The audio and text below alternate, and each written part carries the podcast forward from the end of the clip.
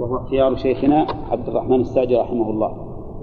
والأول هو المذهب الذي يقولون أن الرضعة هي التقام الثدي فإذا أطلقه فهي رضعة نصف هذا هو المشهور من المذهب.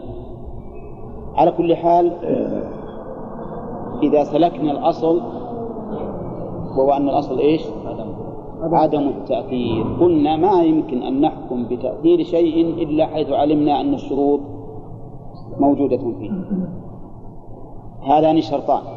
الشرط الثالث خلونا نكمل الشروط. الشرط الثالث أن يكون الرضاء في زمنه أو بعبارة أصح أن يكون الإرضاع في زمنه. أي في زمن الرضاع. هذا الحقيقة الباب هذا مو بحث لهذا لك ودنا أننا نستوعبه آه، الشرط الثالث أن يكون الإرضاع في زمن الرضاع. ولا ثقيلات في آه، أن يكون الإرضاع في زمن الرضاع. فما هو زمن الرضاع؟ أيضا موضع خلاف بين العلماء. ولذلك الحقيقة في مسألة الرضاع كل امرأة تشاركك في رضاع وتعقد عليها ها؟ النكاح يسمى عند أهل العلم فاسدا. يسمى فاسدا لأنه موضع خلاف لكن إن اعتقدت صحته فهو صحيح عندك. يعني بعض الطلبة لو قيل له مثل لنا بنكاح فاسد ها؟ يمكن يعجز لكن يجي إلى إلى إلى إلى باب الرضاع يلقى ما شاء الله إلى قوة النكاح الباطل واضح يعني في المعتدات وغيره كثير.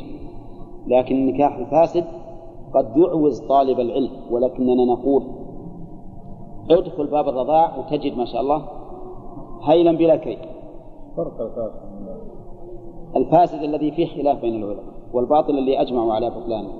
هنا أقول في زمن الرضاع فما زمن الرضاع؟ ما هو زمن الرضاع الحولين قيل الحولان وقيل الفطام وقيل الفطام أما من احتج بالحول أما من قال بالحولين فاحتج بقوله تعالى والوالدات يرضعن أولادهن حولين كاملين لمن أراد أن يتم الرضاعة. قالوا فقال الله والوالدات يرضعن أولادهن حولين كاملين. فجعل الله سبحانه وتعالى الحولين كلي أو كليهما نعم. جعل الله الحولين كليهما زمنا للرضاع. فمتى رضع الطفل في هذا الوقت؟ فالرضاع مؤثر. وإن رضع بعد الحولين فالرضاع غير مؤثر. وقال بعض أهل العلم المعتبر الفطام زمن الرضاع هو زمن الرضاع على اسمه ما دام يتغذى باللبن فهذا زمن الرضاع. فإذا صار يتغذى بالطعام فقد انتفى زمن الرضاع. فقد انتفى زمن الرضاع. واستدلوا بحديث لا رضاع إلا ما فتق الأمعاء وكان قبل الفطام. وكان قبل الفطام. واستدلوا أيضا بالمعنى. المعنى هو أن الحكمة من تأثير الرضاع هو أن الجسم ينمو عليه. الجسم ينمو عليه. ولذلك رضاع الكبير ما يؤثر لأن الجسم ها؟ لا ينمو عليه. فإذا كان كذلك فهو بعد الفطام لا نمو لا, لا يؤثر فيه. بعد الفطام لا يؤثر فيه. وأما قبل فيؤثر. ويظهر الفرق بين القولين فيما لو فطم طفل قبل السنتين.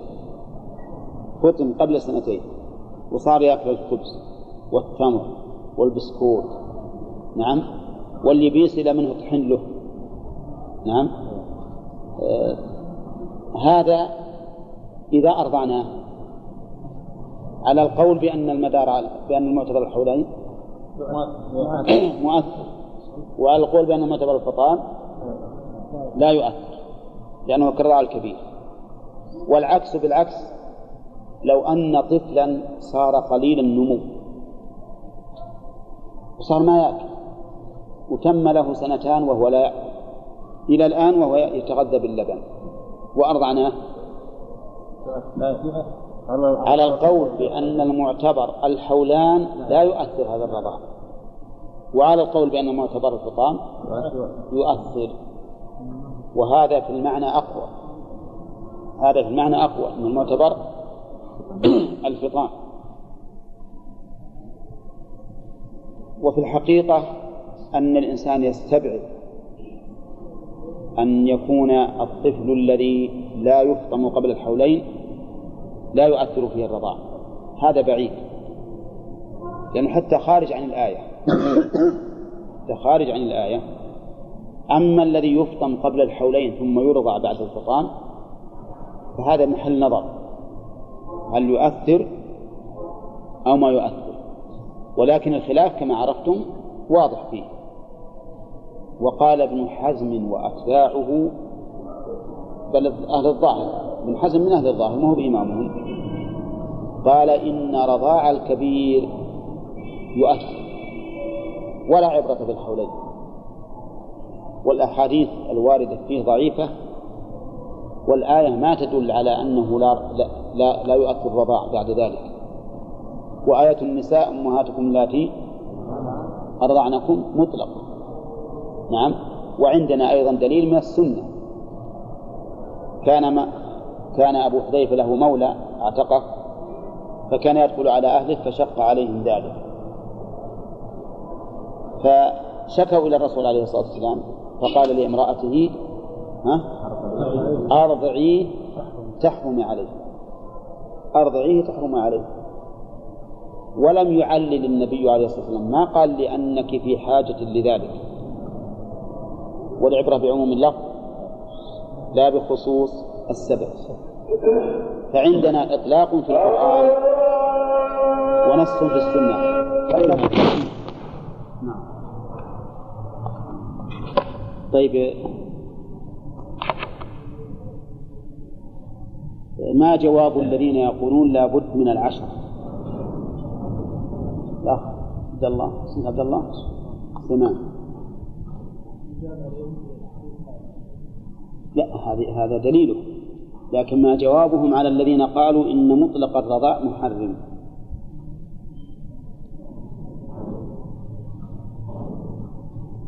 إحنا ذكرنا فيما سبق إنه الخلاف إذا وجد خلاف بين العلماء يحتاج المخالف إلى أمرين. وهما إثبات قوله إثبات قوله والرد على مخالفه. فهم أثبتوا قولهم بحديث عائشة. يحتاجون الآن إلى الرد على مخالفيه ما, ما عندك سليمان؟ ما حضرت إيش في مفكرة في الرؤوس تسمى؟ ها؟ الذاكرة. تسمى الذاكرة. هذه حرصوا عليها. نعم. ها؟ إيه هذا هذا صحيح. والله هذا الظاهر الأخ إبراهيم وقع على يقول الذاكرة فطرية لكن المذاكرة مكتسبة. هي اللي هي اللي تنفع. نعم. ما تقول؟ جواب عن الذي قال بأنه لا يشترط العدد مطلقا. نعم. ما تقول كلها مطلقة. قصدك اللي اللي قالوا بعدم العدد؟ نعم. طيب. أو العكس. إيه. يحمل المطلق على المقيد. زين. كما أنه بالنسبة للحديث يحرم من الرضاع يجاب عنه بأنه لا دليل فيه أصلا. وجهه أن قوله الرضاع الفيه للعهد.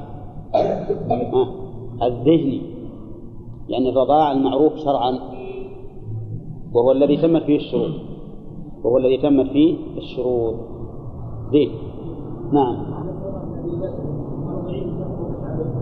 أي نعم. نعم نعم. طيب.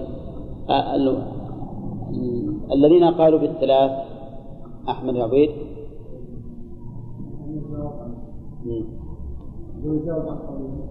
أي نعم.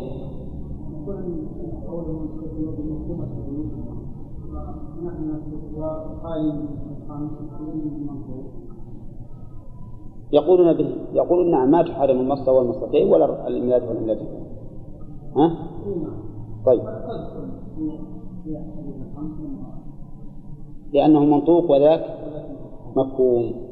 فمن قال بالخمس قد قال بأن الثلاث لا تحرم واضح؟ نعم. ومن منع القول بالزيادة فقد ألغى حديث عائشة الخمس. طيب في شرط ثالث للرضاع نعم. زمن زمن للرضاع نعم.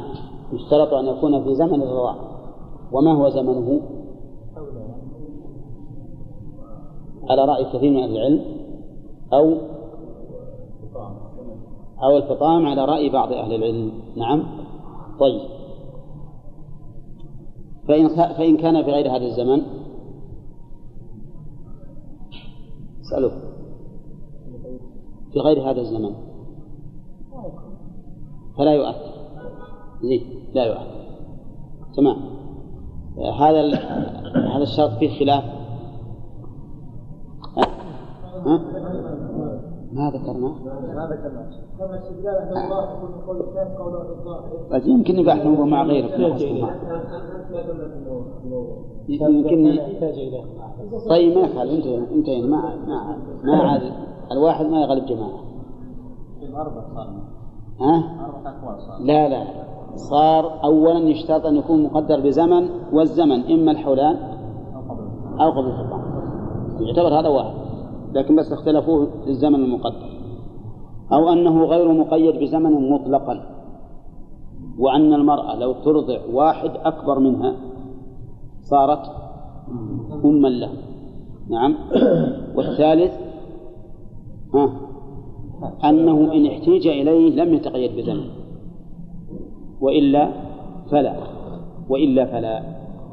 الآن نحتاج أن نناقش هذه الأقوال الثلاثة. فما هو دليل القائلين بأنه غير مقيد بزمن مطلقا؟ حديث أول من القرآن.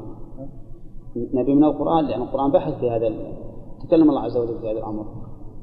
لأنه ما ما قال قال أمهاتكم اللاتي أرضعنكم يعني ما. طيب أمهاتكم اللاتي أرضعنكم زين أطلق. نعم. ثاني من السنة. حديث. قول أربعين تحرم تحرم تحرم؟ عليه. حديث سالم نعم. مولى أبي حذيفة. كان مولا لهم كان بالأول عندهم عبد. وكان يتردد عليهم وألفوه وألفهم. فلما أعتقوه صار مشقة عليه. وعليهم الدخول فقال الرسول صلى الله عليه وسلم لامرأته سالم أرضعيه تحرم عليه. وهو كبير. طيب. هذا اللي تحفظ صحيح؟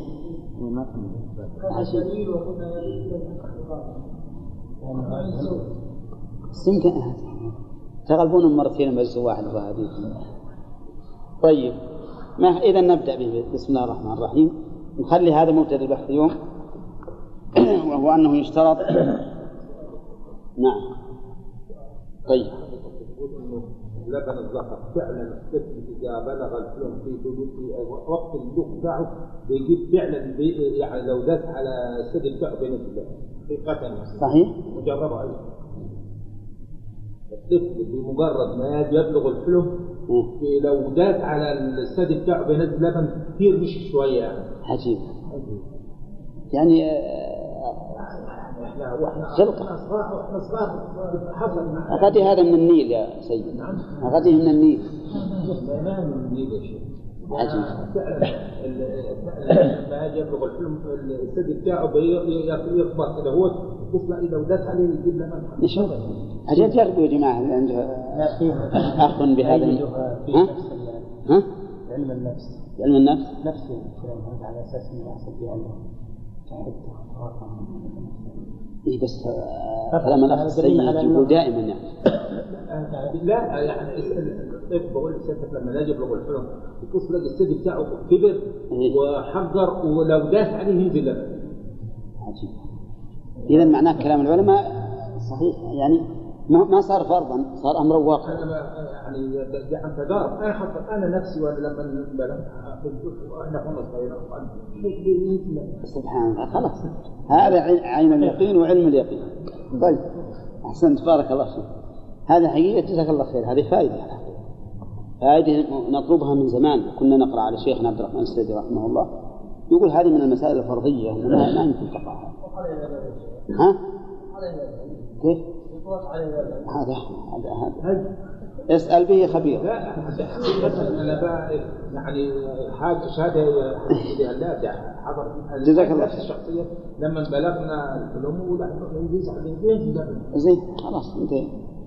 طيب الآن الحمد لله صار أجل كلام العلماء رحمهم الله. يشترط أن يكون من آدمية. صار؟ مفهومه؟ يعني هذا الاحتراز يخرج به لبن البهيمة ولبن الرجل. الحمد لله الآن. طيب قلنا يشترط أن يكون في الزمن. يشترط أن يكون في في- زمن الإرضاع هذا هو المشهور عند أهل العلم. لكنهم اختلفوا في هذا الزمن فمنهم من يرى أنه الحولان ومنهم من يرى أنه الفطام. وشرحنا هذا يا أخوان. نعم شرحناه شرحنا هذا. ها؟ زين. هذا هذا. وعرفنا دليل كل منهما. وقال بعض أهل العلم إنه لا يشترط له زمن. وممن ذهب إلى هذا أهل الظاهر. فقالوا إنه لا يشترط له زمن وأن الرضاع مؤثر مطلقا. واستدلوا بالإطلاق. بالإطلاق والعموم. الإطلاق في القرآن والعموم في السنة. في القرآن وأمهاتكم اللاتي أرضعنكم وأخواتكم من الرضاعة وفي السنة يحرم من الرضاع ما يحرم من النسب. وحملوا ال على العموم وقالوا كل رضاع فهو محرم. نعم. واستدلوا أيضا بنوع من النظر فقالوا إن هذا اللبن وإن كان الذي ارتضعه كبيرا فإنه سوف يغذي البدن. صحيح أنه البدن ليس بضرورة إليه ولكن لا بد أن يتغذى به فإن كل ما دخل إلى المعدة حصل به تغذية. ولا هذا قول القول الثاني آه، أنه للحاجة ندعه بعد. هذا القول هذه أدلته وأدلة القائلين بالزمن تقدم لنا أدلته فما جوابهم عن عن هذا القول؟ ما جواب القائلين المحددين للرضاع بزمن عن هذا القول المطلق؟ الجواب أن نقول أما إطلاق القرآن الكريم فإنه مقيد بالسنة. وسبق لنا الدليل لا رضاع إلا ما أنشز العظم وكان قبل الفطام وكذلك ما ثبت في الصحيحين أن الرسول عليه الصلاة والسلام قال لأزواجه انظرن من إخوانكن فإنما الرضاعة من المجاعة. الرضاعة من المجاعة. ومن فطم فإن مجاعته لا تسد بالرضاعة تسد بإيش؟ بال- بالطعام بالأكل والشرب. وقول الرسول عليه الصلاة والسلام إنما الرضاعة إنما أتت حصر. والرضاعة أل فيها للعهد الذهني. وهي الرضاعة المعتبرة شرعا. هذه ما تكون إلا من المجاعة التي بها يزول جوع الطفل. واستدلوا أيضا بالنظر بأن الجسم لا ينمو حقيقة إلا على هذا اللبن قبل الفطام. فكان هذا هو المعتبر وهذا اختيار شيخ الإسلام ابن تيمية. والتقييد بالحولين اختيار أصحاب المذهب. مشهور من المذهب أن المعتبر الحولان أن المعتبر الحولان فمتى رضع بعدهما ولو لم يفطم فلا أثر للرضاع ومتى رضع قبلهما ولو فطم فالرضاع نعم معتبر. القول الثاني نعم أجابوا عن إطلاق القرآن. أما عموم السنة في قوله يحرم من الرضاع فنازعوا أن تكون ال هنا للعموم. وقالوا إن ال هنا لإيش؟ للعهد. ال للعهد. والمراد من الرضاع أي الرضاع المحرم. وذلك لأن نصوص الشرع تحمل على أي شيء؟ على المعهود الشرعي. أحل الله البيع البيع هنا. هي تحمل ال هنا على العموم ولا تحمل على العهد؟ ها؟ على العهد. ما تعم كل بيع. البيوع المحرمة غير داخلة في هذه الآية. كبيوع أهل الجاهلية المتضمنة للغرض فإذا نقول ال الواردة في قوله يحرم من الرضاع المراد به ها؟ العهد الذهني فيعود الشرع فيعود الرضاع هنا إلى المعنى إلى المعنى المعتبر شرعا وهو الرضاع المحرم. وذهب شيخ الإسلام رحمه الله. نعم. ذكرنا أيضا لهم دليل ثالث نسيته. استدلوا أيضا بقصة سالم مولى أبي حذيفة. فقالوا إن الرسول عليه الصلاة والسلام قال أرضعي تحرمي عليه فهذا دليل على أن الرضاع الكبير مؤثر. على أن الرضاع الكبير مؤثر. وذهب شيخ الإسلام رحمه الله إلى التفصيل في ذلك.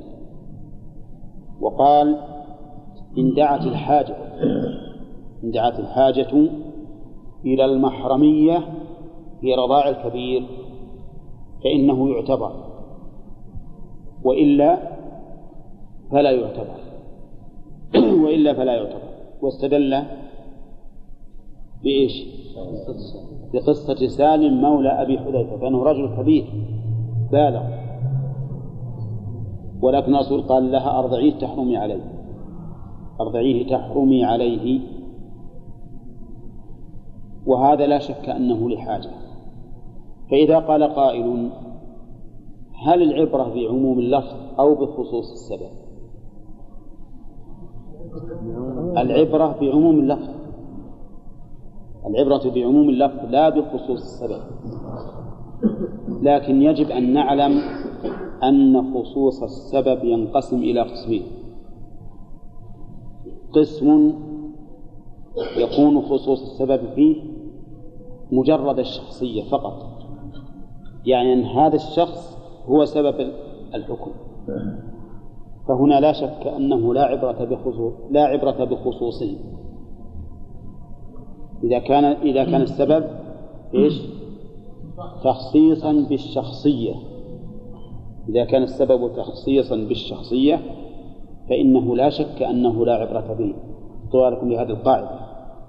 فمثلا أوس بن الصامت أوس بن الصامت هو سبب نزول آيات ها؟ الظهار الظهار فهل نقول إن حكم الظهار يختص به؟ لا ها؟ لا. لا ما يختص به لا يختص به بالإجماع لأنه سبب شخصي وكما قلنا فيما سبق أن الأحكام الشرعية لا يمكن أن تعلق بالأشخاص لمجرد أنه فلان بن فلان. والثاني أن يكون سبب الحكم سببا معنويا سببا معنويا. فهذا يجب أن يخصص العموم بما يشبه ذلك السبب. تفهمين؟ ذي؟ إذا كان السبب الذي من أجله جاء العموم سببا معنويا فإنه يجب أن نخصص به العموم. مثال ذلك قوله صلى الله عليه وسلم ليس من البر الصيام في السفر.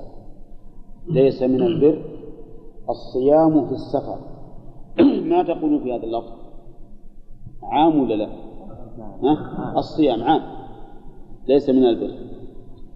لكن نعرف من سبب هذا أن الرسول صلى الله عليه وسلم رأى زحاما ورجلا قد ظلل عليه وكأنه وصل إلى حال بالغة من المشقة. فقال ما هذا؟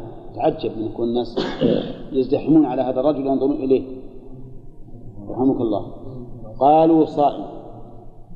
فقال ليس من البر الصيام في السفر. ما المراد بهذا العموم؟ الصيام الذي يصل إلى مثل هذه الحال يصل إلى مثل هذه الحال فهمتم؟ أما صيام لا يؤثر فإنه لا لا يمكن أن نقول ليس من البر وقد صام النبي عليه الصلاة والسلام في السفر وصام أصحابه أيضا معه ومع ذلك ما قال لا تصومون فإنه ليس ببر طيب إذا خصصنا الحديث ليس من الصيام ليس من البر الصيام في السفر بمثل هذه الحال. هل قلنا بعموم اللفظ؟ إلا قلنا بعموم اللفظ. لكن قلنا بعموم اللفظ مشروطا بأن يكون الحكم في مثل حال الرجل هذا. ولذلك ما قلنا بخصوص السبب وهو الرجل ما قلنا هذا الحكم خاصا أو خاص. بالرجل نفسه. ما قلنا. وكل واحد يجيه من المشقة مثل ما جاء هذا الرجل فإن الصيام في حقه ليس من البر فهمتم هذه؟ هذا هذا مع إذا العبرة بعموم اللفظ لا بخصوص السبب ما هو على إطلاقه. يجب أن نقول إن السبب نوعان. ها؟ سبب شخصي فهنا لا لا يختص الحكم به. وسبب معنوي فهذا يخص العموم بإيش؟ بما يشبه تلك الحال التي ورد من أجلها طيب نأتي إلى قصة سالم مولى أبي مولى أبي حذيفة شيخ الإسلام رحمه الله قال إن النصوص الدالة على التقييد بالزمن مخصوصة بقصة سالم وأنه إذا وجد رجل يحتاج الناس إلى يحتاج إلى الدخول في هذا البيت. فإنه لا حرج أن ربة البيت ترضعه فيكون محرما لها يكون محرما لها. وقال قصة سالم صريحة في هذا. نعم. إيه. أما مسألة عاد كيف يرضع فهذا شيء آخر. إما أن نقول يرضع من ثديها وهنا الحاجة داعة لذلك كما يجوز النظر للعورة وهي عند الحاجة أو يقال إنه مثلا تحلب له ويرضع آه هذه المسألة يقول شيخ الإسلام إنها مخصصة للعمومات. طيب الجمهور لا يرون هذا الرأي. وش يرون؟ أنه لابد من تحديد بزمن. لابد أن يحدد بزمن. فما جوابهم عن حديث سالم مولى أبي حذيفة الحقيقة حديث سالم هو اللي مشكل. أما إطلاق أمهاتكم لا ترضعنكم وإطلاق يحرم من الرضاع وما أشبهه فلا, فلا فيه إشكال لأنه عرفنا أنه مقيد. لكن قصة سالم مولى أبي حذيفة هي المشكلة. فهل نقول بها أو لا؟ ذكرنا الشيخ الإسلام يقول بها الجمهور إيش؟ لا يقولون بها. يحتاجون الآن إلى إيش؟ إلى الإجابة عنها. إلى الإجابة عنها وإلا لألزموا بالقول بها. يقولون الجواب عنها إما أن هذا خاص بسالم مولى أبي حذيفة. خاص به شخصيا. فلا يتعداه إلى غيره.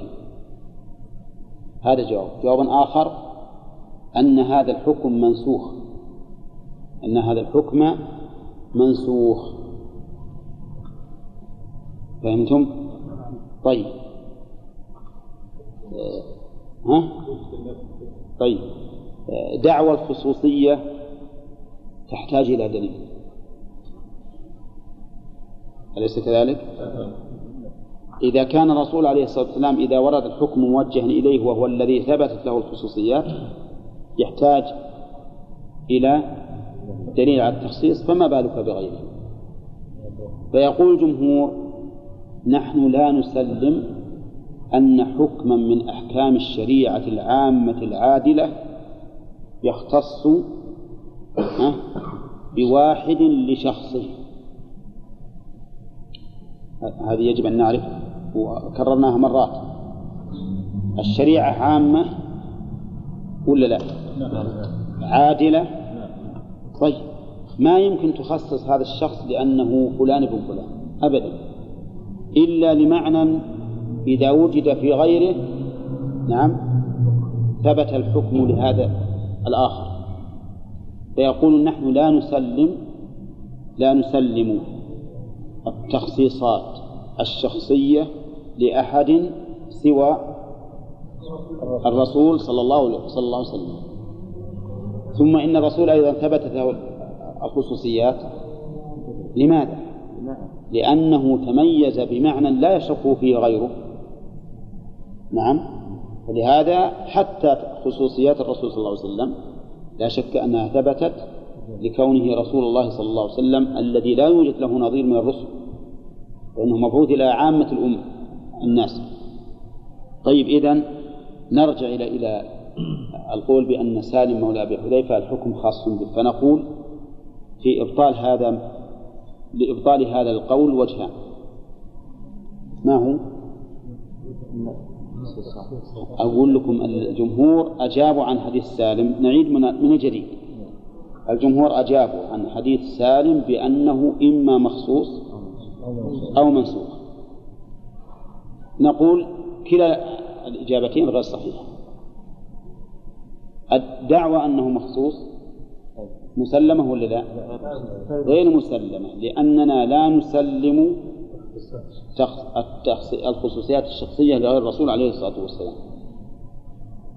من سالم مولى أبي حذيفة وش اللي يخليه يخصص به بحكم شرعي من أحكام الشريعة العامة العادلة. فلا نسلم التخصيص. هذه واحدة ثانيا لو سلمنا ذلك جدلا فأين؟ فأين الدليل على التخصيص؟ أين الدليل على التخصيص؟ إذا بطل هذا الوجه. الوجه الوجه الثاني في الإجابة عن حديثه أنه منسوخ. وتعرفون أن شروط النسخ يعني من أهم شروطه شرطين. أولا تعذر الجمع بين الدليلين. تعذر الجمع بين الدليلين. وثانيا العلم بتأخر الناسخ. العلم بتأخر الناسخ. وهنا الجمع ممكن ولا غير ممكن؟ نعم على رأي الشيخ ممكن بأن يحمل الحديث سالم على الحاجة وما عداه على غير الحاجة ثانيا العلم بتأخر الناسخ من يقول إن حديث إنما الرضاعة من المجاعة بعد حديث سالم مولى أبي حذيفة؟ بعد حديث سالم مولى أبي حذيفة. ها؟ إن قال أحد وجاب دليل فيمكن نقول. مع أنه يمكن الجمع فلا نسخ. طيب الحقيقة أن حديث سالم من أشكل الأحاديث لكن أنا عندي والله أعلم أن حديث أرأيت الحمو قال الحمو الموت. عندي يمكن أن يستدل به على النسخ. أو ما يمكن؟ ها؟ طيب نشوف الآن الرسول عليه الصلاة والسلام لما قال لا يخلون رجل بامرأة ونهى عن الخلو بالمرأة قالوا أرأيت الحمو من هو الحمو؟ إيه؟ قريب الزوج كأخيه وعمه وابن أخيه وما أشبه ذلك يدخل على امرأته قال الحمو الموت وهذا فيه حاجة للدخول ولا لا؟ ها؟ في حاجة عامة لكل ما هي خاصة في مولى عامة ما أكثر الأزواج الذين لهم إخوة ولهم أعمام ولهم أبناء إخوة وما أشبه ذلك فحينئذ نقول إن الظاهر والله أعلم أن حديث سالم مولى أبي حذيفة منسوخ بهذا الحكم وأنه لو كانت الحاجة جيزة لرضاع الكبير لأرشد النبي عليه الصلاة والسلام إلى إلى هذا الحد أرجع السكين ما السكين بإذن إيه ترى ينبهك واليوم إن شاء الله. ما شغلنا إلا إلى قمنا لأن هذا فهذا والله أعلم أقرب شيء عندي. ثم إننا نقول ما دام ما دمنا في إمكان الاحتياط وهو أن لا ترضعه فإنه أولى. أولى من عدم الإرضاع والمسألة عندي ما جسد ذاك النضوج الكبير. إنما يترجح عندي والله أعلم وهو أحوط أنه أن رضاع الكبير لا يؤثر مطلقا لا لحاجة ولا لغير حاجة. ونقول الأسلم والأولى والأتقى أن يبتعد. ومن تبين له أنه مؤثر عند الحاجة فسيحل مشكلات كثيرة عن الناس. شوفوا. الحمو يكون أخو الزوج اللي ما في البيت إلا أخوه وزوجته وهو معهم ساكن إذا أراد الخلاص من الخلوة وش يعمل؟ ترضعه زوجة أخيه ويكون ابنا لها. ويكون ابنا وينتهي الإشكال. نعم. طيب الحمو هذا يمكن يموت الزوج ويأخذها أو يطلقها أو يمكن الأولاد. يصير في مشكلة؟ إذا صارت إذا صارت أمه مو بأخذ. إي صحيح. أقول يعني هذا ما هو مثل المولى. المولى المولى يمكن ياخذ يأخذ زوج السيد بعده وبعدين هذا الأولاد. تصير مشكلة. لا صارت لها أولاد ولا زوجها أولاد. إذا صارت أن يمكن الله أخوه له أولاد. فاولاد اخوه محارم له سواء ما صار اخوه له من الرضاعة ولا لا. لكن عيال العيال. عيال هو إيه. ما يخلي يصير اخوه من الرضاعة ما في شيء. نعم.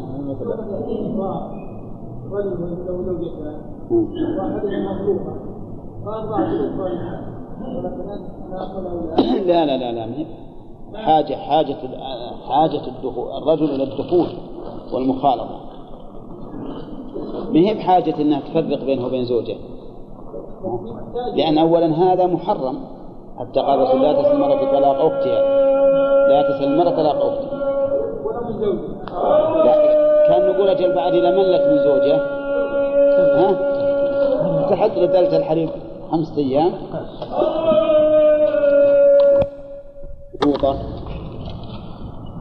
وهذا الذي قاله المؤلف يحرم في الرضاع ما يحرم في النسب وله حديث في الصحيحين. قال النبي عليه الصلاة والسلام يحرم بالرضاع ما يحرم بالنسب والباء فيهما؟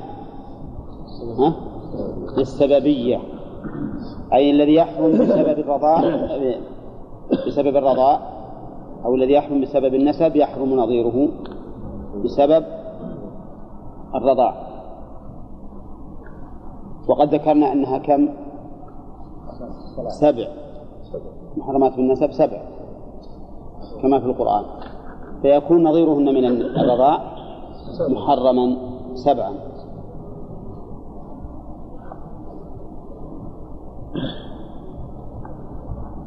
قال المؤلف إلا أم أخته وأخت ابنه. إلا أم أخته وأخت ابنه. فإن أم أخته من النسب حرام عليه. وأم أخته من الرضاع ليست حراما عليه. لأن أم أخته من النسب إما أمه أولى وإما زوجة أبيه. إما أمه وإما زوجة أبيه. فإن كانت أمه فهي حرام عليه بإيش؟ بالنسب. وإن كانت زوجة أبيه فهي حرام عليه بالمصاهرة لكن بالرضاع لا. أم أخته من الرضاع ليس بينه وبينها علاقة. لأنها إن كانت قد أرضعته فهي أمه أولى ولا يقال أم أخته يقال أمه. وإن كانت لم ترضعه فليست زوجة أبيه. ليست زوجة أبيه. أليس كذلك؟ أم هو واضح؟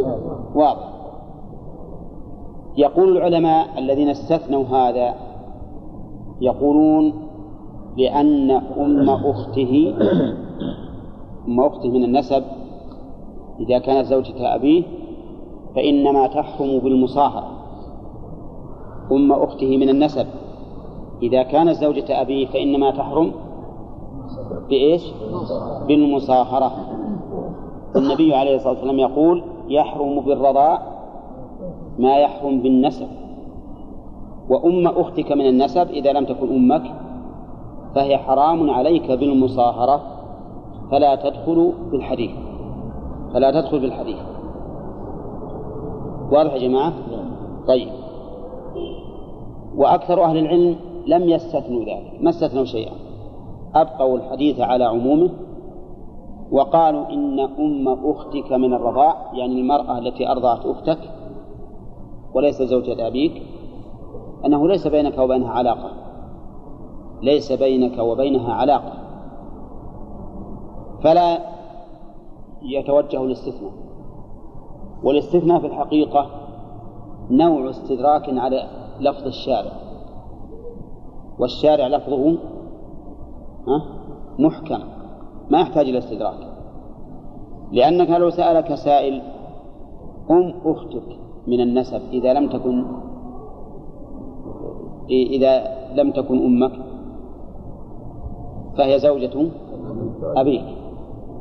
والرسول يقول يحرم من الرضاع ما يحرم بالنسب. فهي أصلا لم تدخل حتى تحتاج إلى استثناء. ما دخلت أصلا. واللي ما دخل ما يستثنى. ليش إنه يستثنى؟ وهو من اصل ما دخل في اللفظ. فلا وجه للاستثناء. وفي هذا الذي قاله المؤلف دليل على أن المصاهرة أو أن الرضاع لا يؤثر في تحريم المصاهرة. على أن الرضاع لا يؤثر في تحريم المصاهرة وسيأتي إن شاء الله تعالى في الكلام على المحرمات بالمصاهرة. وأن القول الراجح في هذه المسألة أن الرضاع لا يؤثر في المصاهرة. الأمر الثاني مما استثناه قال وأخت ابنه. وأخت ابنه. أخت ابنه ما تحرم عليه من الرضاعة وهي تحرم عليه أخت ابنه. أخت ابنه تحرم عليه بالنسب ولا لا؟ تحرم عليه بالنسب. لأن أخت ابنه إن كانت من زوجته منه فهي بنته. وإن كانت من زوج آخر فهي ربيبته فهي ربيبته. أليس كذلك؟ هذا بالنسب. هذا إذا كانت بالنسب. فأخت ابنك بالنسب إما ابنتك وإما ربيبتك أي بنت زوجتك. واضح يا جماعة؟ فهي حرام عليك بالنسب. أخت ابنك من النسب حرام عليك سواء كانت منك أو من زوج قبلك. أو من زوج بعدك أيضا. ظاهر؟ طيب. أخت ابنك من الرضاع أخت ابنك من الرضاع لا تحرم عليك. أخت ابنك من الرضاع. يعني ابنك رضع من امرأة لها بنت. ابنك رضع من امرأة لها بنت. يجوز أن تزوج بالبنت؟ أنت. يا أبا الرضيع. نعم يجوز أن تتزوج بالبنت. لأنه ما بينك وبينها علاقة. ولأنها نظير ما يحرم بإيش؟ بالمصاهرة. نظير ما يحرم بالمصاهرة لأن أخت ابنك من الرضاع. إن كان إن كانت هي رضعت من زوجتك ها؟ فهي بنتك من الرضاع. ما قال أخت ابنك من الرضاع قال بنتك من الرضاع. وإن كان ابنك رضع من أمها فلا علاقة بينك وبينها. ما بكم وبين علاقة. وهي نظير من يحرم بالمصاهرة. والنبي عليه الصلاة والسلام يقول يحرم من الرضاع ما يحرم بالنسب. أظن واضح. ها؟ وجه الاستثناء ظاهر لأن أخت ابنك من النسب. حرام عليك بكل حال لأنها إما بنتك أو ربيبتك واضح؟ أخت ابنك من الرضاع ما تحرم عليك. لأنها إن كانت من امرأتك رضعت هي من امرأتك فهي بنتك ولا يقال أخت ابنك. وإن كان ابنك هو الذي رضع من أمها فلا علاقة بينك وبينها لأنها مهي من زوجتك حتى نقول ربيبة من امرأة أجنبية فوجه ذلك أن أخت ابنك من النسب إنما تحرم عليك بكل حال لأنها إما من طريق النسب وإما من طريق المصاهرة. والرضاع ليس لا يؤثر فيه. لا تؤثر فيه المصاهرة وهذا أيضا نقول فيه ما قلنا بالأول. إنه لا وجه لاستثنائه. لأنه غير داخل ها؟ في لفظ الحديث من الأصل غير داخل. والذي يستثنى ما كان داخلا ثم فيخرج. أما ما لم يكن داخلا فالذي دخل يقول وش عليكم من أنا واقف عند الباب. ما دخلت حتى تطلعوني نعم. فلا وجه لاستثنائه نعم. ثم إن في الاستثناء قلنا نوع استدراك على لفظ الشارع. والشارع اللفظ فيه محكم متقن. واضح يا أخوان لكم كلكم الاستثناء؟ ها؟ ليس داخل في حديث الرسول صلى الله عليه وسلم اي إيه لكن وش الاستثنين اولا؟ يحرم بالرضا ما يحرم بالنسب إلا؟ إلا أخت الابن أخت الابن الابن اي إلا أخت ابنه؟ واخت إيش بعد؟ وأم؟ وأم أم وأم. ها؟ إيش قلنا؟ ام اخته واخت ابنه إلا أم أخته وأخت ابنه الطباق أم أخته وأخت ابنه. وجه الاستثناء على كلام المؤلف أن أنه في النسب أن أم أختك من النسب.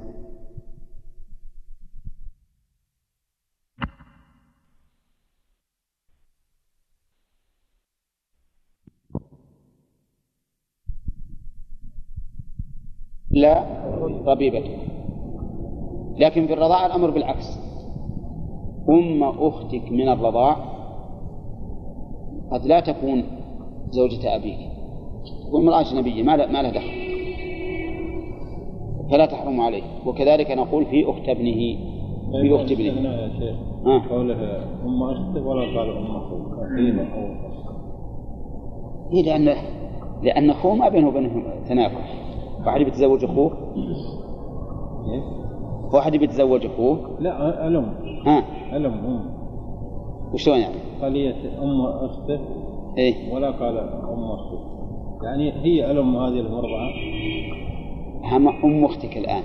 إيه. تحرم عليك من نسب لأنها إما أمك. إيه نعم. معروف. وإلا زوجة أبيك. كذا ولا لا؟ طيب أم أخيك إيه نعم مثل مثله. مثل أم أخته من مثله؟ إيه، هذا نفس الشيء. لا أقول مثل مرض نعم نعم مثل مثله.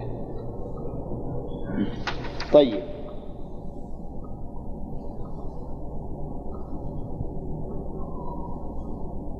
قال المؤلف ويحرم بالعقد ما يحرم بال... إلى آخره. آه، اللي مضى عندنا الآن كم؟ من المحرمات إلى الأبد؟ صنفان النسب والرضاع طيب يقول ويحرم بالعقد واللعان. نعم واللعان. ويحرم بالعقد ويحرم بالعقد زوجة أبيه وكل جد وزوجة ابنه وإن نزل.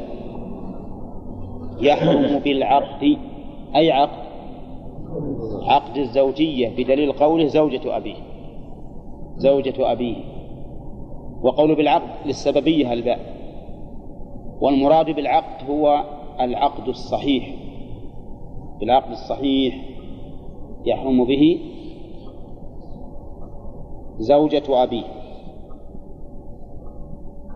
وإن علا فكل امرأة تزوجها أبوك ولو طلقها فهي حرام عليك إلى الأبد. وكل امرأة تزوجها جدك من قبل الأب أو من قبل الأم فهي حرام عليك إلى الأبد. مفهوم؟ الدليل قوله تعالى ولا تنكحوا ما نكح آباؤكم من النساء إلا ما قد سلف إنه كان فاحشة ومقتا وساء سبيلا. فلو تزوجها فهو أعظم من الزنا أعظم من الزنا. لو تزوجها كان أعظم من الزنا. لأن الله قال في الزنا ولا تقربوا الزنا إنه كان فاحشة وساء سبيلا. وأما هذا فقال إنه كان فاحشة ومقتا وساء سبيلا. فنكاح ذوات المحارم أعظم والعياذ بالله من من الزنا. ولهذا ذهب كثير من أهل العلم إلى أن من زنى بأحد من محارمه ولو لم يكن محصنا فإنه يجب قتله. وفي هذا حديث في السنن ويأتي إن شاء الله الكلام عليه. طيب إذا يحرم زوجة أبيه وش قلنا؟ وإن علا من قبل الأب أو من قبل الأم. تبارك مثلا الدليل ولا تنكحوا ما نكح آباؤكم من النساء. وبمجرد العقد يثبت النكاح. ولم يشترط الله سبحانه وتعالى لا دخولا ولا غيره بمجرد العقد الصحيح يثبت هذا الحكم. طيب ثانيا وزوجة ابنه وإن نزل. زوجة ابنه وإن نزل. لقوله تعالى وحلائل أبنائكم الذين من أصلابكم. وحلائل أبنائكم الذين من أصلابكم. هذا الدليل. كنا وإن على داخل في الأب. داخل في الأب. المذهب. نعم. قلنا قلنا في مسألة إي نعم. ما استدلوا لا لا نعم. ما استدلوا به لأن قلنا في باب النكاح. النكاح يؤثر فيه أدنى سبب. ولذلك أثر فيه الرضاع ولم يأثر الرضاع في, الإرث ولا في النفقات ولا في غيره النكاح ليس كغيره أدنى سبب يؤثر فيه. نعم. طيب يقول وزوجة ابنه وإن نزل. وإلا كان استدلنا بها عليهم. كان يستدلوا بها عليهم لكن هم يجيبون لأن مسألة النكاح ما تقاس على عليها مسائل الفرائض. لأن أدنى سبب يؤثر فيه. طيب زوجة ابنه وإن نزل. زوجة ابنه وإن نزل يعني ما؟ ابنه وابن ابنه وابن بنته و وإن نزل.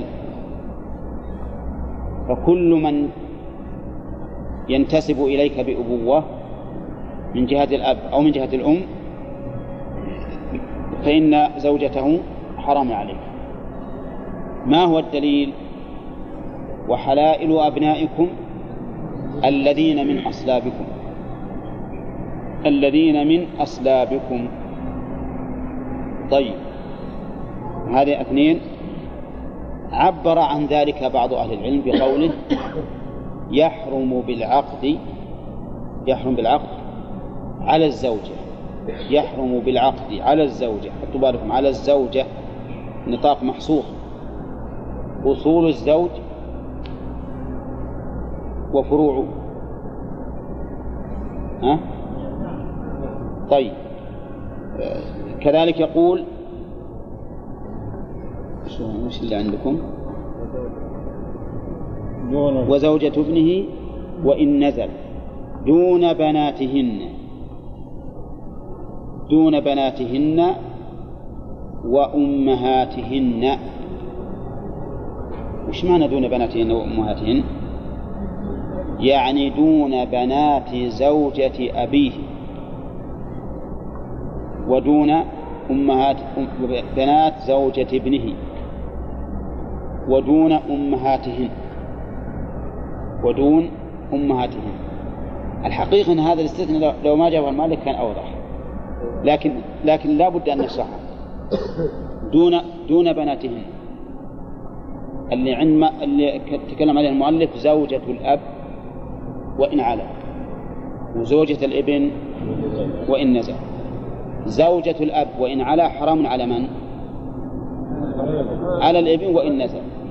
وزوجة الإبن وإن نزل حرام على الأب وإن علا تبادل.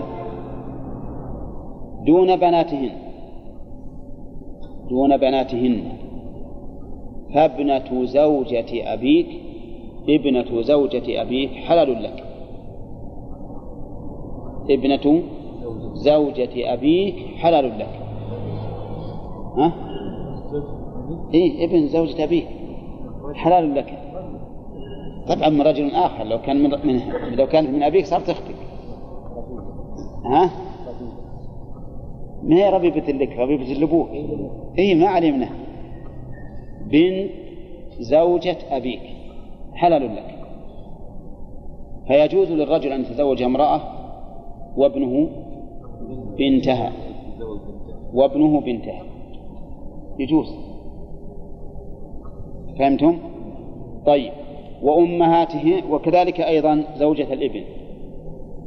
زوجة الإبن يجوز للأب أن يتزوج بنتها من غير ابنه. لأن بنتها من ابنه يكون هو جدها لكن يتزوج بنت زوجة ابنه من غير الابن. يصح ولا لا؟ فعلى هذا يجوز أن يتزوج الرجل بنتا ويتزوج أبوه بنتها. ها؟ ما وصلنا الأمهات بنتها. قال المؤلف وأمهاتهن. وأمهاتهن عكس المسألة هذه. فيجوز للإنسان أن يتزوج أم زوجة أبيه. أم زوجة أبيه. أولى إلا أن تكون زوجة أبيه أمه وهو ما يجوز يتزوج أمها لأنها تكون جدته. إذا يجوز أن يتزوج أم زوجة أبيه. كذا؟ طيب. وكذلك يجوز للرجل أن يتزوج أم زوجة ابنه. أو ما يجوز؟ يجوز. يجوز. أم زوجة ابنه. إي نعم. طيب. ولهذا قال دون دون بناتهن وأمهاتهن. والسبب في ذلك يا إخوانا إن التحريم يختص بالزوجين دون فروعهم وأصولهم. يعني بمعنى أن الزوجة يحرم عليها الزوجة فقط. يحرم عليها أصل فرع أصل زوجها ها؟ وفرعه. والزوج نفسه يحرم عليه أصل زوجته وفرعه. اضبط القاعدة دي ولا حاجة إلى إلى إلى الاستثناء اللي يمكن يشكل عليكم. الزوج وحده يحرم عليه إيش؟ وصول زوجته وفروعه يعني أمهاته وإن علونا وبناته وإن نزلنا والزوج نفسه يحرم عليه وصول زوجته وفروعه. يعني أمهات زوجته وإن علونا وبناتهن وبناتها وإن نزلن لكن طيب يقول المؤلف وتحرم أيضا أم زوجته وجداتها بالعقد. أم زوجته وجداتها بالعقد. إيش معنى بالعقد؟ أي بمجرد العقد. مثل الأو... الثنتين الأولات.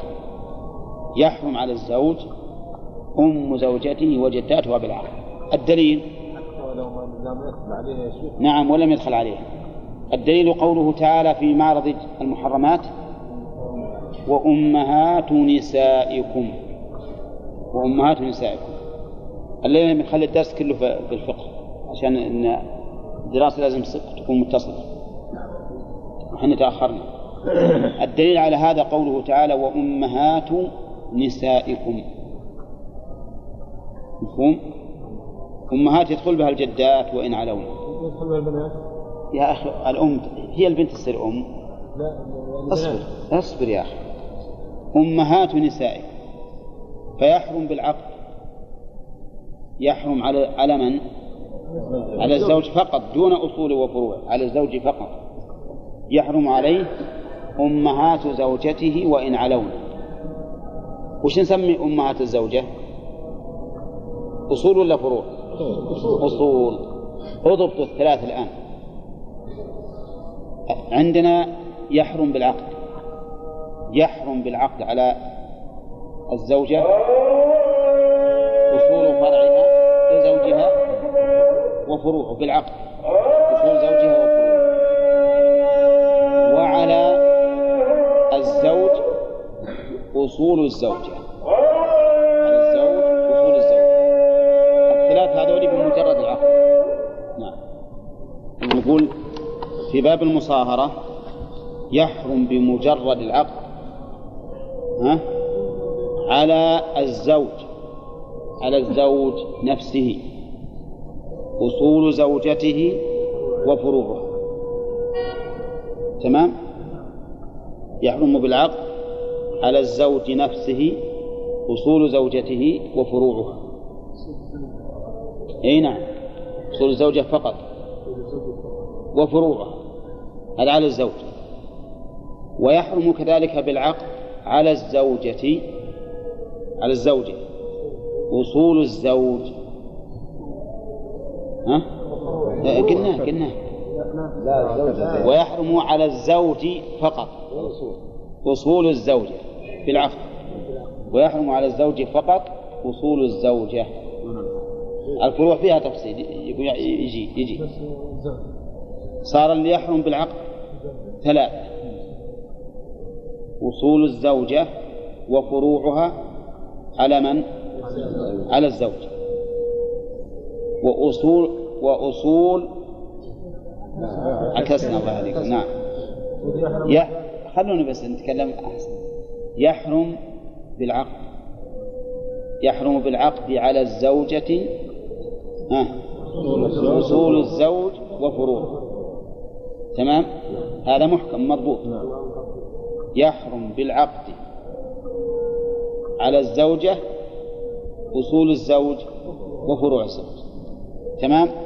هذا محكم اكتبوه ما في شيء. وكذلك يحرم بالعقد على الزوج على الزوج أصول الزوجة. أصول الزوجة. كم ذولا؟ ثلاث هؤلاء يحرم يح- يثبت فيهم التحريم بالعقد. يثبت فيهم التحريم بالعقد من بقي معنى؟ بقي معنى فروع الزوجة. فروع الزوجة ما يحرمون على زوجها إلا بالدخول. إلا بالدخول. ما يكفي العقد وحده؟ لا بد من الدخول وهو الجماع. لا بد من الدخول وهو الجماع. يا جماعة طيب. ولهذا قال المؤلف ويحرم عليه أم زوجته وجداتها بالعقد وبنتها وبنات أولادها بالدخول. بنتها وش بنتها؟ فروعة في فرع. وبنات أولادها فرع. وقول بنات أولادها يشمل بنات الأبناء وبنات البنات لأن الأولاد إذا أطلقت شملت البنين والبنات. إذن هذا هو الذي وحده ينفرد عن الثلاثة إيش ينفرد به؟ بأنه لا بد من الدخول وهو الجماع اللي هو فروع إيش؟ فروع الزوجة على من؟ على الزوج لا بد فيه من الدخول الدليل قوله تعالى وربائبكم اللاتي في حجوركم من نسائكم اللاتي دخلتم بهن. بالكم ربائبكم من هن الربائب؟ بنات الزوجة. وإن نزلنا بنات الزوجة وإن نزلنا لكن لاحظوا الآية الكريمة نشوف نحن اشترطنا شرطا واحدا. وهو الدخول. الدخول. والله تعالى في القرآن اشترط شرطين. أحدهما في الربائب والثاني في الزوجات. الربائب اشترط فيهن اللاتي في حجوركم. ربائبكم اللاتي في حجوركم. والنساء الزوجات اشترط اللاتي دخلتم بهن. فجعل الله تعالى شرطين شرطا في الربائب وشرطا في النساء في الزوجات. ونحن ما ذكرنا إلا شرطا واحدا في ها؟ في الزوجات. إذا فالدليل أخص من المدلول. ومعلوم أنه لا يمكن لا يجوز الاستدلال بالأخص على الأعم لأن المدلول تابع للدليل. فإذا كان الدليل خاصا وجب أن يكون المدلول خاصا فنحتاج حينئذ إلى الإجابة عن الآية الكريمة ولا لا؟ طيب ما هو الجواب؟ أجاب بعض أهل العلم بأن هذا الشرط شرط مقيد وأنه لا بد من الشرطين أن تكون الربيبة في الحجر وأن تكون الزوجة مدخولا بها. وهؤلاء لا يمكننا أن نقول لهم شيئا. وش السبب؟ لأنهم تمسكوا بظاهر القرآن. تمسكوا بظاهر القرآن. فاللاتي في حجوركم مثل اللاتي دخلتم بهن. الكل منهما صفة لموصوفه. هؤلاء ما ما نطالبهم بالإجابة عن الآية. واضح؟ إذا عند هؤلاء لو لم تكن الربيبة في حجرك حلت لك مثل أن تكون بنت الزوجة عند عند أبيها السابق عند أبيها السابق فهو على قول هؤلاء تحل لك تحل لك لأن الله اشترط شرطا ولأنها إذا كانت في حجرك فهو المناسب أن لا تحل لك لا تحل لك لأنها أصبحت مثل مثل بنتك مثل بنتك في الرعاية والولاية فهي بنت زوجتك وهي في حجرك وإذا لم تكن في حجرك فهي ها؟ كالأجنبية منك فهي كالأجنبية منك. وقال جمهور أهل العلم إن ذلك ليس بشرط. يعني لا يشترط أن تكون الربيبة في الحجر. أفهمتم؟ هؤلاء يحتاجون إلى الإجابة عن الآية. يحتاج يحتاجون إلى الإجابة عن الآية الكريمة. لأن كل أحد يخالف ظاهر القرآن لا بد أن يأتي بدليل وإلا رد قوله. أجابوا عن الآية الكريمة بأن هذا القيد إما للإشارة إلى الحكمة والعلة. الإشارة إلى الحكمة والعلة. وهي أن ربيبتك كالتي في حجرك من بناتك. وليست مقصودة.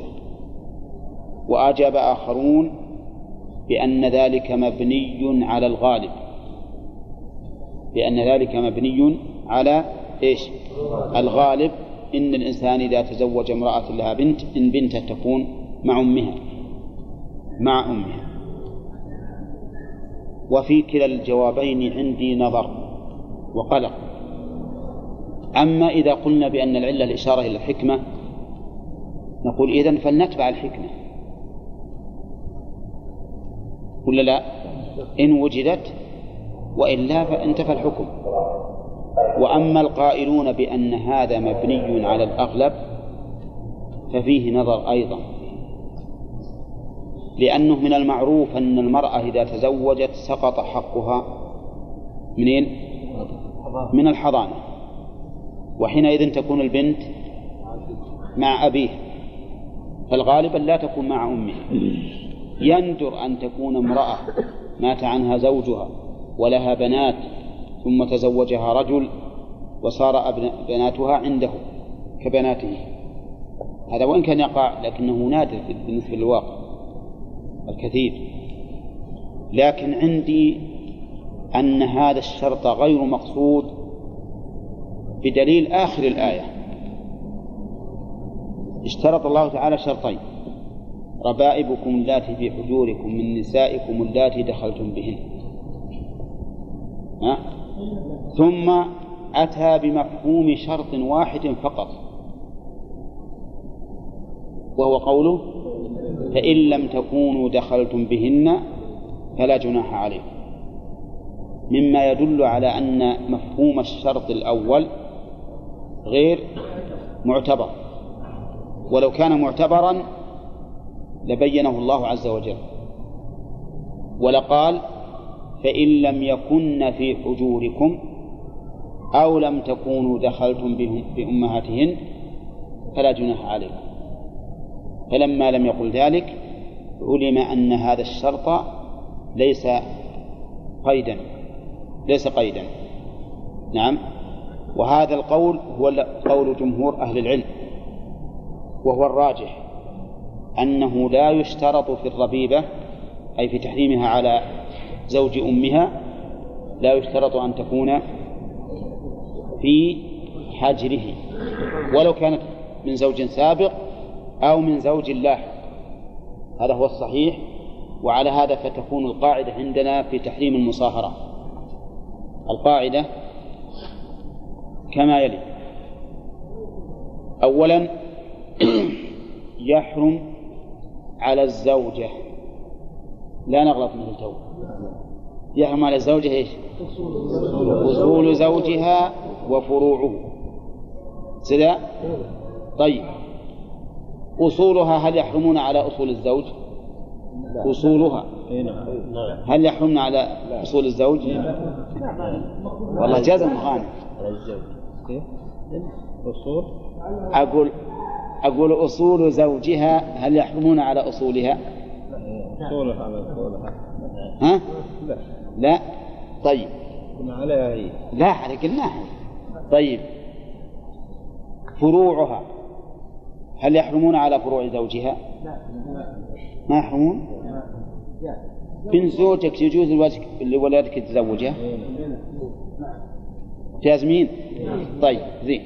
إذا يحرم على الزوجة وحدها حط تحت خط. أصول زوجها إيش بعد؟ وفروعه ويحرم على الزوج فقط أصول زوجته. هذا يضاف إلى ما سبق أنه يحرم بمجرد العقد. ويحرم عليها أيضا فروعه اللي هم عياله وعيال بناته وبنات عياله وما أشبه ذلك. شوفوا بشرط لا بشرط الدخول. إنه يحرم عليه.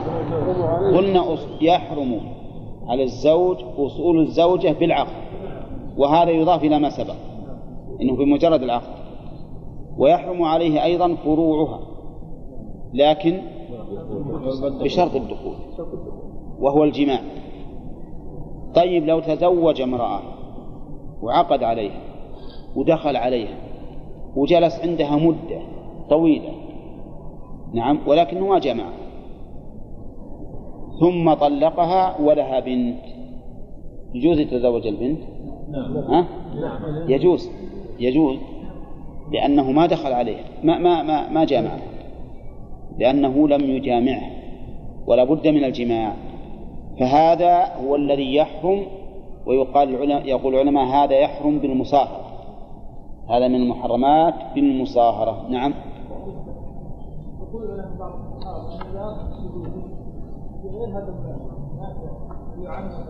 لا ما يعم هذا في مسألة العدة في مسألة المهر مجرد الخلوة. إيه؟ لا ما ما ورد في مسألة في مسألة المهر إلا ما لم تمسوهن. ذكر بلفظ المس. فألحق به الصحابة الخلوة. على أن المسألة فيها خلاف في مسألة المهر. إنما هذه لا بد من الجماع. نعم؟ أي. لا دخلتم بهن ما قال عليهن.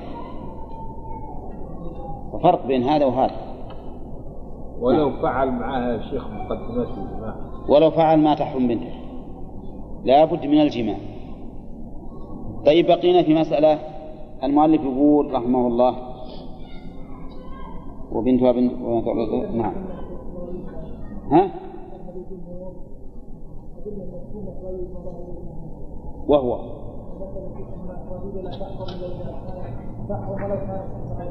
اي اي نعم. وش مثل؟ اي من لا ما استحضر شيء شيء في هذا. والسلف مختلفون في هذا في هذا الأمر. طيب في مسألة. لو أن رجلا زنى بامرأة ما هو عقل زنى بامرأة. فهل يحرم عليه أصلها وفرعها؟ وهل يحرم عليها أصله وفرعه؟ ها؟ ما يحرم. لماذا؟ لأن ما يدخل في الآية. ما يدخل في الآية. الله قال أمهات نسائكم وربائبكم اللاتي في حجوركم من نسائكم ولا تنكحوا ما نكح آباؤكم. ما نكح آباؤكم. ما نكح. وحلائل ها؟ وحلائل أبنائكم. والزانية ما ما تدخل في هذا هل الزانية من حلائل المزني بها يعني قصد من حلائل الأبناء. يعني لو زنى ابن شخص بامرأة هل نقول هذه المرأة من حلائله؟ ها؟ طيب. وهل نقول إن أمها أم هذا المزني بها من أمهات نسائك؟ إذا فتكون حلالا لدخولها في قوله تعالى وأحل لكم ما وراء ذلكم وأحل لكم وفي قراءة وأحل لكم ما وراء ذلكم فتكون داخلة في الحلال. ومع ذلك فقد فالمذهب عندنا مذهب الحنابلة أن الزنا كالنكاح. فإذا زنى بامرأة حرم عليه أصولها وفروعها وحرم عليها أصوله وفروعه تحريما مؤبدا. وهذا من من غرائب العلم. أن يجعل السفاح كالنكاح. هذا من أغرب ما يكون. وهو من أضعف الأقوال. وأضعف منه أيضا من قال إن الرجل إذا لاط بشخص والعياذ بالله. فهو كالمرأة المعقود عليها عقدا شرعيا. فيحرم على هذا اللائط فروع الملوط به وأصوله. ويحرم على الملوط به فروع اللائط وأصوله. هذا أبعد وأبعد من القول الأول. وذلك لأن اللواط لا يحل الفرج فيه لا يحل بأي بأي حال من الأحوال. لا بعقد ولا بغير عقد. الزنا يحل الفرج فيه بإيش؟ بالعقد. فرج امرأة يمكن تعقد على امرأة ويحلك. لكن اللواط والعياذ بالله هذا أيضا أغرب من الأول وأبعد عن الصواب من الأول. والصواب أنه لا أثر في تحريم المصاهرة لغير عقد صحيح. أنه لا أثر في المصاهرة لغير عقد صحيح. وذلك لأن العقود إذا أطلقت في الشرع حملت على إيش ها؟ على الصحيح ومن الغرائب أنهم يقولون في الظهار لو ظاهر الإنسان من امرأة لو ظاهر من امرأة يثبت الظهار ولا لا؟ امرأة أجنبية يعني ما هي زوج ها؟ مع أن قوله الذين يظاهرون من نسائهم مثل من نسائكم في, هذا. وكذلك في الإيلة للذين يؤلون من نسائهم. قالوا ما يثبت إلا مع زوجة. فكيف نقول في هذه المسألة؟ فالصواب في هذه المسألة يا أخوان أن كلما كان طريقه محرما فإنه لا أثر له في التحريم في المصاهرة. نعم. لا العقد بشبهة لأنه يعطى حكم الصحيح. العقد بشبهة لأن العاقد يعتقد أنه صحيح. ها؟ خطأ. إي نعم. الشبهة قد تكون شبهة عقد أو شبهة اعتقاد. قد تكون شبهة عقد أو شبهة اعتقاد. وأظن مسألة إجماعية. وإلا لا لو لو لو, لو لم تكن إجماعا لكان في النفس شيء في شبهة الاعتقاد. إذا وطئ امرأة يظنها زوجته فإن تحريم أصولها وفروعها عليه في النفس منه شيء. فإذا لم يكن إجماع فالأصل الحل أما إذا عقد عليها عقدا فاسدا بشبهة فهذا له حكم الصحيح. بقينا في مسألة هذه هذه مسألة تتفرع على مسألة المصاهرة وش اللي ذكرنا الآن. هل الزنا كالنكاح تثبت به المصاهرة وهل اللواط كذلك؟ وقلنا إنه ليس كذلك وأن إلحاق هذا بهذا من أبطل القياس ومن غرائب العلم. طيب البحث الثاني في مسألة المصاهرة هل تثبت المصاهرة في الرضاع ولا ما تثبت؟ بمعنى هل يحرم على, على الزوجة آباء زوجها من الرضاع وأبناؤه من الرضاع أو لا؟ هذه المسألة جمهور أهل العلم ومنهم الأئمة الأربعة على أنه يثبت التحريم على أنه يثبت التحريم. فيقولون إنه يحرم على الزوجة أبو زوجها من الرضاع وابن زوجها من الرضاع ترى هي اللي مرضعته ولا غيره؟ لا ها؟ أسألكم هي المرضعة ولا غيره؟ لأنها لو كانت هي المرضعة صارت أمه واضح لكن هذا رجل له زوجتان له زوجتان أرضعت إحداهما بنتا والثانية لم ترضعها فهي بنته ولا لا؟ زين هذه البنت من الرضاع هل يؤثر الرضاع في مسألة المصاهرة؟ قلت لكم إن جمهور أهل العلم يرون أنه مؤثر وأن أم زوج وأن أصل زوجها من الرضاع يعني أبا زوجها من الرضاع حرام عليها. مثل أبي زوجها من النسب. كذا؟ طيب. وكذلك أم زوجته من الرضاع حرام عليه كأم زوجتها من النسب. فهمتم؟ قلت هذا رأي من؟ جمهور أهل العلم.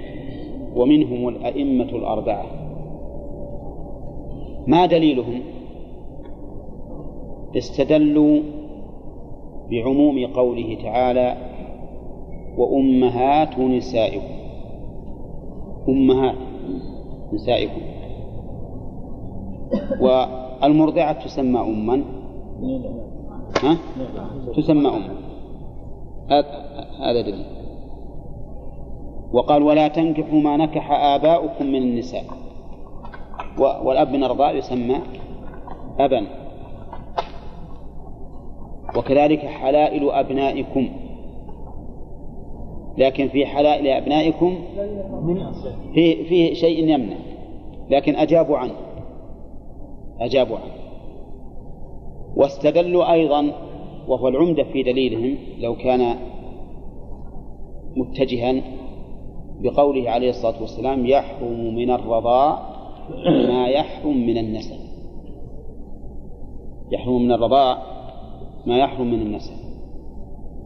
فقالوا كما أن كما أن أبا الزوج من النسب حرام على الزوجة ها؟ فيكون أباه من الرضاع حرام عليها وكما أن أم الزوجة من النسب حرام على الزوج فأمها من الرضاع أيضا حرام. حرام. هذا هذا هذا دليل. أما شيخ الإسلام رحمه الله فقال نعم أنا أستدل بهذا الحديث عليكم. يحرم من الرضاع ما يحرم من النسب. فأنا أسألكم ما علاقة أو ما سبب التحريم في أب الزوج في أم الزوجة على الزوج صح وش السبب؟ نسب؟ ما بينه وبين نسب صحيح بينه وبين الأنثى نسب لكن ما هي علاقة التحريم بين الأنثى وأبيها حتى نقول نشوف وش العلاقة علاقة التحريم بين هذه الزوجة بين أم الزوجة وزوجها والعلاقة بينهما ليست النسب وما هي العلاقة؟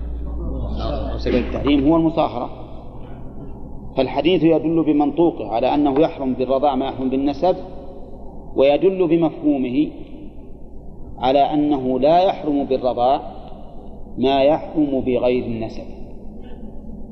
على أنه لا يحرم بالرضاع ما يحرم بغير النسب.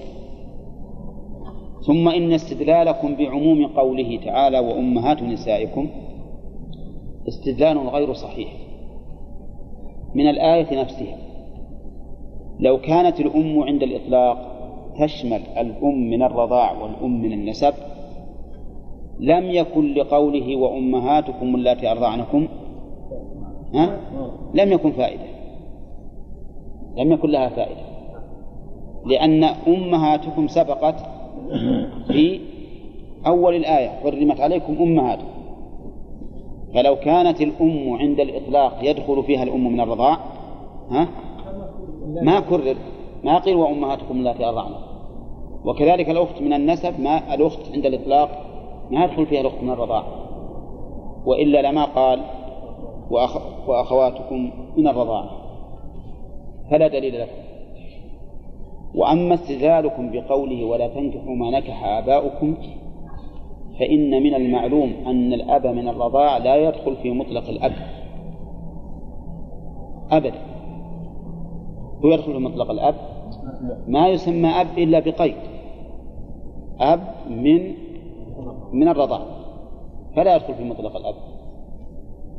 وكذلك نقول أمهات نسائكم أمهات نسائكم ما يدخل فيها الأم من الرضاع. لأن عرفنا أن كلمة الأم ما يدخل فيها عند الإطلاق الأم من الرضاع. وأما قوله ربائبكم اللاتي في حجوركم من نسائكم من للتبعيض. ومعلوم أن البنت من الرضاع مهم من المرأة. مهم من المرأة. منين؟ من أم أخرى. لكن هذه أرضعتها. وأما قوله وحلائل أبنائكم ها؟ فإنها قد تكون حجة عليهم. لأن الله قال حلائل أبنائكم الذين من أصلابكم هذا القيد وين روحه قالوا هذا القيد احترازا من ابن التبني. من ابن التبني. يعني لا من أبنائكم الذين تبنيتموه. فيقال إنه لا يمكن أن يحترز الله في القرآن عن ابن باطل شرعا. لأن الابن الباطل شرعا داخل حتى يحتاج إلى قيد يخرجه غير داخل. فابن التبني ليس شرعيا من الأصل. ولهذا استدل الله استدل الله عز وجل على بطلانه بأمر حسي معقول. ما جعل الله لرجل في من قلبين في جوفه. صح؟ أولى ما في واحد له قلبين؟ الناس إذا صار له واحد ذهين يقول هذا له قلبين. مبالغة. طيب. وما جعل أزواجكم اللائي تظاهرون منهن أمهاتكم؟ صح ولا لا؟ هل الإنسان إذا قال لزوجته أنت علي كظهر أمي تصير ظهرك كظهر أمه؟ لا. وما جعل أدعياءكم أبناءكم؟ نعم. ما جعل ما نافي وجعل فعل ماض. نعم. يعني ما جعلهم أبناء شرعا. فإذا لم يقرر الله عز وجل البنوة المدعاة في الجاهلية. من أصل ما قررها. فإذا لم تكن مقررة من الأصل صارت غير داخلة. صارت غير داخلة. من الأصل. فلا حاجة إلى إخراجها في قوله من أصلابكم. وعلى هذا فالآية تدل على ما اختاره شيخ الإسلام ابن تيمية وهو الذي نراه ونرجحه أنه لا دخل للرضاع في المصاهرة. وذلك لأن لدينا عموما من القرآن ما يمكن أن نخرم هذا العموم إلا بدليل بين يخرمه. ما هو الدليل؟ وأحل لكم ما وراء ذلك. وما هذا اسم موصول تفيد العموم. أي إنسان يقول هذه المرأة حرام؟ يقول جيب دليل. أولى. نعم. مثل ما قال النبي عليه الصلاة والسلام لما سئل ما يلبس المحرم قال لا يلبس كذا ولا كذا ولا كذا ولا كذا. فأي واحد يقول هذا حرام على المحرم نقول له جيب دليل. بل الآية أصرح من حديث المحرم. يعني فيها تصريح وأحل لكم ما وراء ذلكم. فعلى هذا يكون القول الراجح ما اختاره شيخ الإسلام ابن تيمية رحمه الله من أن الرجل يجوز أن يتزوج أم زوجته من الرضاع لكن بعد أن يفارق الزوجة بعد أن يفارق الزوجة في موت أو طلاق ما ما يجمع بينهن؟ ما يجمع بينهن؟ نعم. لا يجمع بينهما لقول الرسول عليه الصلاة والسلام يحرم بالرضاع ما يحرم بالنسب. وهنا المحرم الجمع ما هو بالمرأة. المحرم الجمع. فإذا حرم حرم الجمع بالنسب حرم بالرضاع نعم. ولهذا شيخ الإسلام رحمه الله في هذه المسألة لم يصل في أنه يجوز الجمع بين الأختين من الرضاع. هذا لا رأيه فيه ليس بصواب. كنت بالأول أذهب إلى طريق احتياطي. فأقول المرأة حلال أم الزوجة من الرضاع حلال لكن تحتجب عنه تحتجب عنه. ها؟ هذا ما فيه تناقض ها؟ حلال وتحتجب. تناقض لأن الحلال ما ها؟ نعم. طيب نشوف الآن. كنت أذهب إلى هذا. فأقول إنها حلال للزوج إذا فارق بنتها من الرضاعة لكن تحتجب عنه. وهذا من باب الاحتياط. من باب الاحتياط. وأستدل لذلك بحديث ثبت عن الرسول عليه الصلاة والسلام. ها؟ إيه حلال. إيه. حلال وتحتجب أولى ها؟ إيه. وتحتجب عنه حلال أن يتزوجها وأحل لكم ما وراء ذلك. حلال لازم تحتجب ها؟ طيب. نقول هذه أم زوجتك من الرضاعة. نقول إنها حرام عليك. حرام عليك. هذا قول الجمهور. إذا كانت حراما لا تحتجب ولا لا؟ ولكني أقول حلال على رأي شيخ الإسلام. وتحتجب على رأي الجمهور. أولى حلال على رأي الشيخ. وتحتجب على على مو على رأي بالعكس سبحان الله شيخ الإسلام يقول إن أم زوجتك من الرضاعة حلال حلال لك. فتحتجب عنك ولا لا؟ إلا إذا قلنا إنها حلال لك فإنها تحتجب عنك. لكن رأي الجمهور يقولون حرام عليك ولا تحتجب. أنا أقول كنت أقول إنها حرام عليك. هذا الصواب صح. إنها حرام عليك. وتحتجب صح. هذا هو الصواب. إنها حرام عليك وتحتجب هذا في التناقض ولا لا؟ ها؟ الآن في التناقض. بارك الله فيكم. الإنسان ينسى. كنت أرى الاحتياط. وأقول ويقولون العوام إن اللبن ما تظهر الزبدة إلا بخضر نعم. كنت أقول إن أم الزوجة حرام تبعا للجمهور وتحتجب عنك تبعا لشيخ الإسلام ابن تيمية. وذلك لأننا إذا قلنا أنه حرام عليك على رأي الجمهور تحتجب ولا لا؟ ما تحتجب. وإذا قلنا إنها حلال على رأي الشيخ تحتجب. لكني كنت أعمل بالدليلين.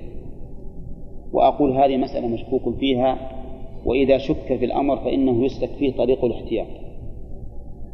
فنأخذ بالاحتياط بما قاله الجمهور من تحريم نكاحها. ونأخذ بالاحتياط بما قاله شيخ الإسلام من وجوب الحجاب من وجوب الحجاب.